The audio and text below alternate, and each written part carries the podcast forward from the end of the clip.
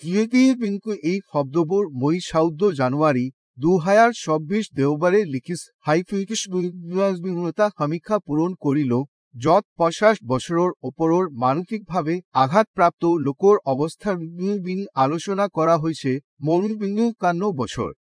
যিসকলে জৰীপটো যিমান পাৰি সিমান ভাষালৈ অনুবাদ কৰিবলৈ সক্ষম হোৱা সকলোকে পৰামৰ্শ দিছ জৰীপটো হিব্ৰু ভাষাত লিখা হৈছিল।